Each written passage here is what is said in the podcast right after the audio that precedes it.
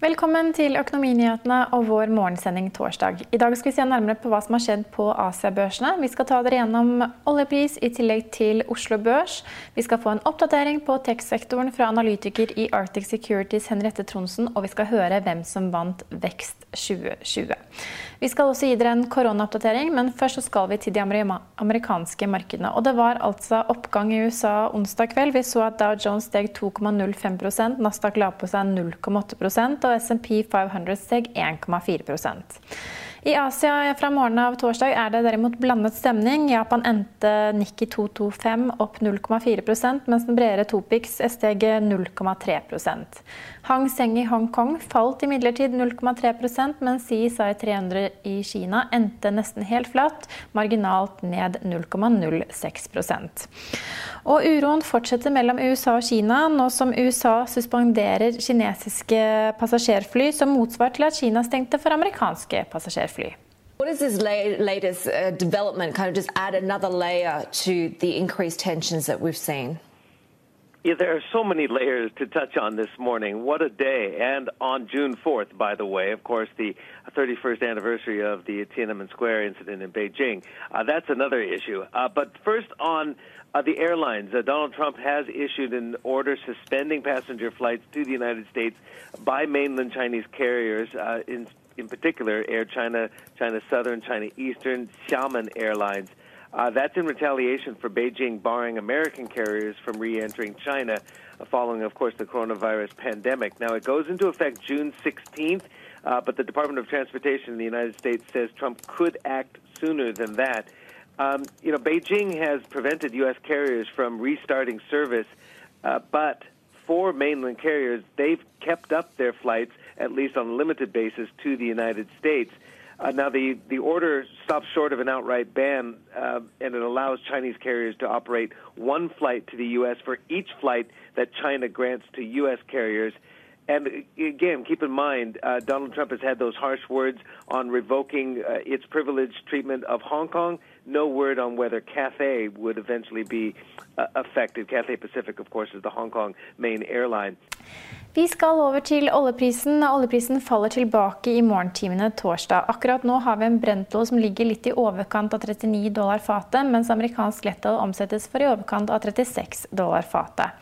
Vi skal høre at Saudi-Arabia og Russland har blitt enige om å forlenge produksjonskuttene med én måned, men de mislykkes med å avholde OPEC pluss-møtet torsdag.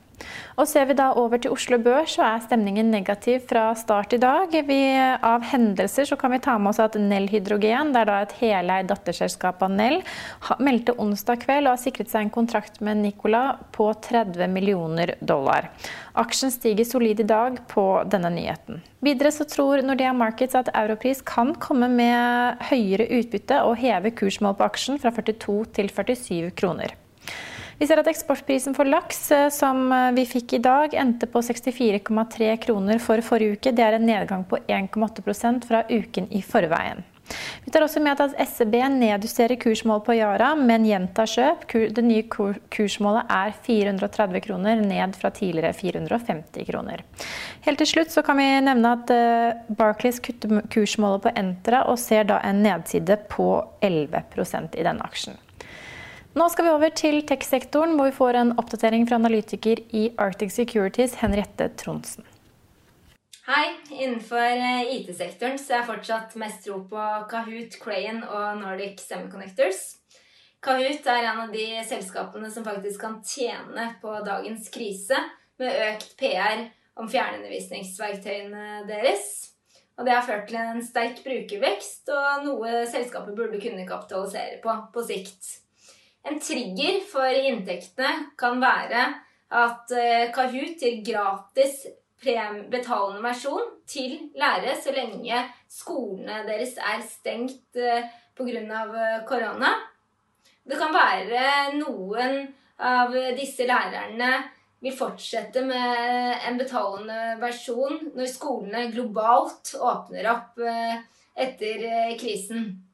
En annen potensiell trigger er at Kahoot går fra å ta betalt for de som presenterer og lager en Kahoot, til også alle brukerne.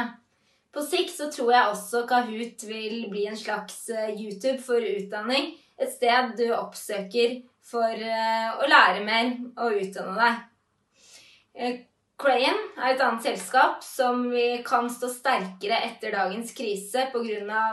økt etterspørsel etter videokonferanseutstyr, software og skyløsninger.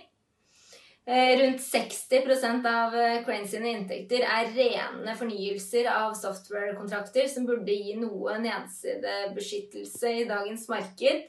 Og Crane eller konkurrenter har foreløpig sett eh, liten effekt av korona. Nordic Semiconnectors er et annet selskap som har en sterk posisjon innen det man kaller Internet of Things, som betyr at alle ting skal være koblet til eh, nettet eller mobiltelefonen din. Det er en sterk ordrebok som støtter inntektene på kort sikt. Og en mulig trigger er at eh, jeg tror de kan komme inn i en sporingsbrikke fra Apple som hvis denne lanseres i løpet av året. Dersom markedet blir eh, mer tøft, så tror jeg Telekom eh, er et sted man burde være investert. Eh, Telenor er mer defensivt enn en del andre selskap. liten påvirkning fra korona. Det har vært noen bekymringer over Asia-virksomheten deres i det siste, men jeg tror det er reflektert i dagens estimater. Jeg ville heller hatt Telenor enn Ice Group, som jeg tok opp dekning på for en uke siden med en hold-anbefaling. Og jeg anbefaler ikke investorer å kjøpe denne aksjen før de har løst eh, balansesituasjonen sin. Jeg tror de trenger ytterligere kapital samt å refinansiere gjelden før den aksjen kan være interessant. Og selv om de har lykkes med å ta 10% markedsandel i det norske markedet. Jeg tror de fortsatt, vil fortsette å ha sterk vekst i eh, antall abonnementer. Så tror jeg eh, Ice sine egne mål er eh, litt for eh, ambisiøse. Så at man heller skal se på den aksjen etter de har bedret eh, balansen. Siden september i fjor har Finansavisen fulgt ti selskaper i konkurransen om å bli Norges neste vekstselskap. Vi har snakket med vinneren Ignite Procurement ved Sigbjørn Nome.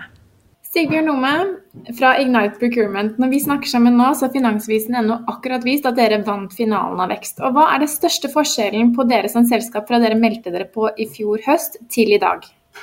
Eh, vi er mye større. Vi har mer enn doble omsetninga siden, siden september. Vi har fått store kunder med på laget, sånn som eh, Fellekjøpet, eh, Sykehusinnkjøp, Bertel og Steen, SSB osv. Så, videre. så vi har nå over 30 kunder. Vi hadde rundt 15 kunder når vi meldte oss på, så det er ganske stor forskjell.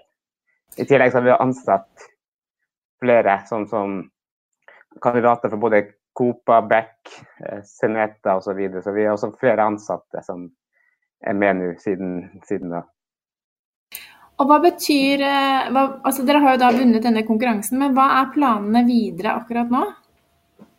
Nei, Vi ser jo både utenfor Norge nå mer, så vi får jo internasjonal interesse. Både fra investorer og fra, fra kunder. Så Det er flere store selskaper som tar kontakt med oss og som ønsker å teste våre løsninger. Så vi, vi ønsker nå å ekspandere utenfor Norge og åpne kontor utenfor Norge. Så tester vi nå om det er Tyskland, UK eller USA som er det, er det neste markedet. Og vi, jo, vi, står midt oppi en koronasituasjon også i Norge, som på en måte kanskje gjør dette med utlandet litt utfordrende akkurat nå. Men har koronasituasjonen påvirket dere på noen måte? Har det i tilfelle vært positivt eller negativt? Eh, på helt kort sikt så var det litt, litt, negativt. Men det gikk ganske fort over, så nå er vi mer tilbake til normalen. Så med tanke på vekst utenfor Norge, så kan det føre til at vi blir litt senere å komme, åpne kontoret. Men eh, vi er veldig positive. og Det blir også økt fokus på kostnader. Og sine innkjøp, som det, det vi driver med, er den viktigste kostnadsdriveren, så er det eh, enda viktigere enn noen gang å ha en systematisk og analytisk måte å jobbe med de kostnadene på. Så vi ser det på som positivt på, på litt lengre sikt. Mm. Og eh, utenlandsplaner, vekstplaner. Men hva er liksom omsetningsmålet og visjonen for 2020? Hvor skal dere være ved utgangen av året? Ja, vi ønsker å være på 10 millioner i ARR ved utgangen av året. Så det er en dobling fra der vi er i dag. Så vi har ganske høye vekstambisjoner. Og det her vekst hjelper jo også å få oss frem i lyset og øke synligheten. Så det er veldig artig å, å vinne den. Morsomt å høre.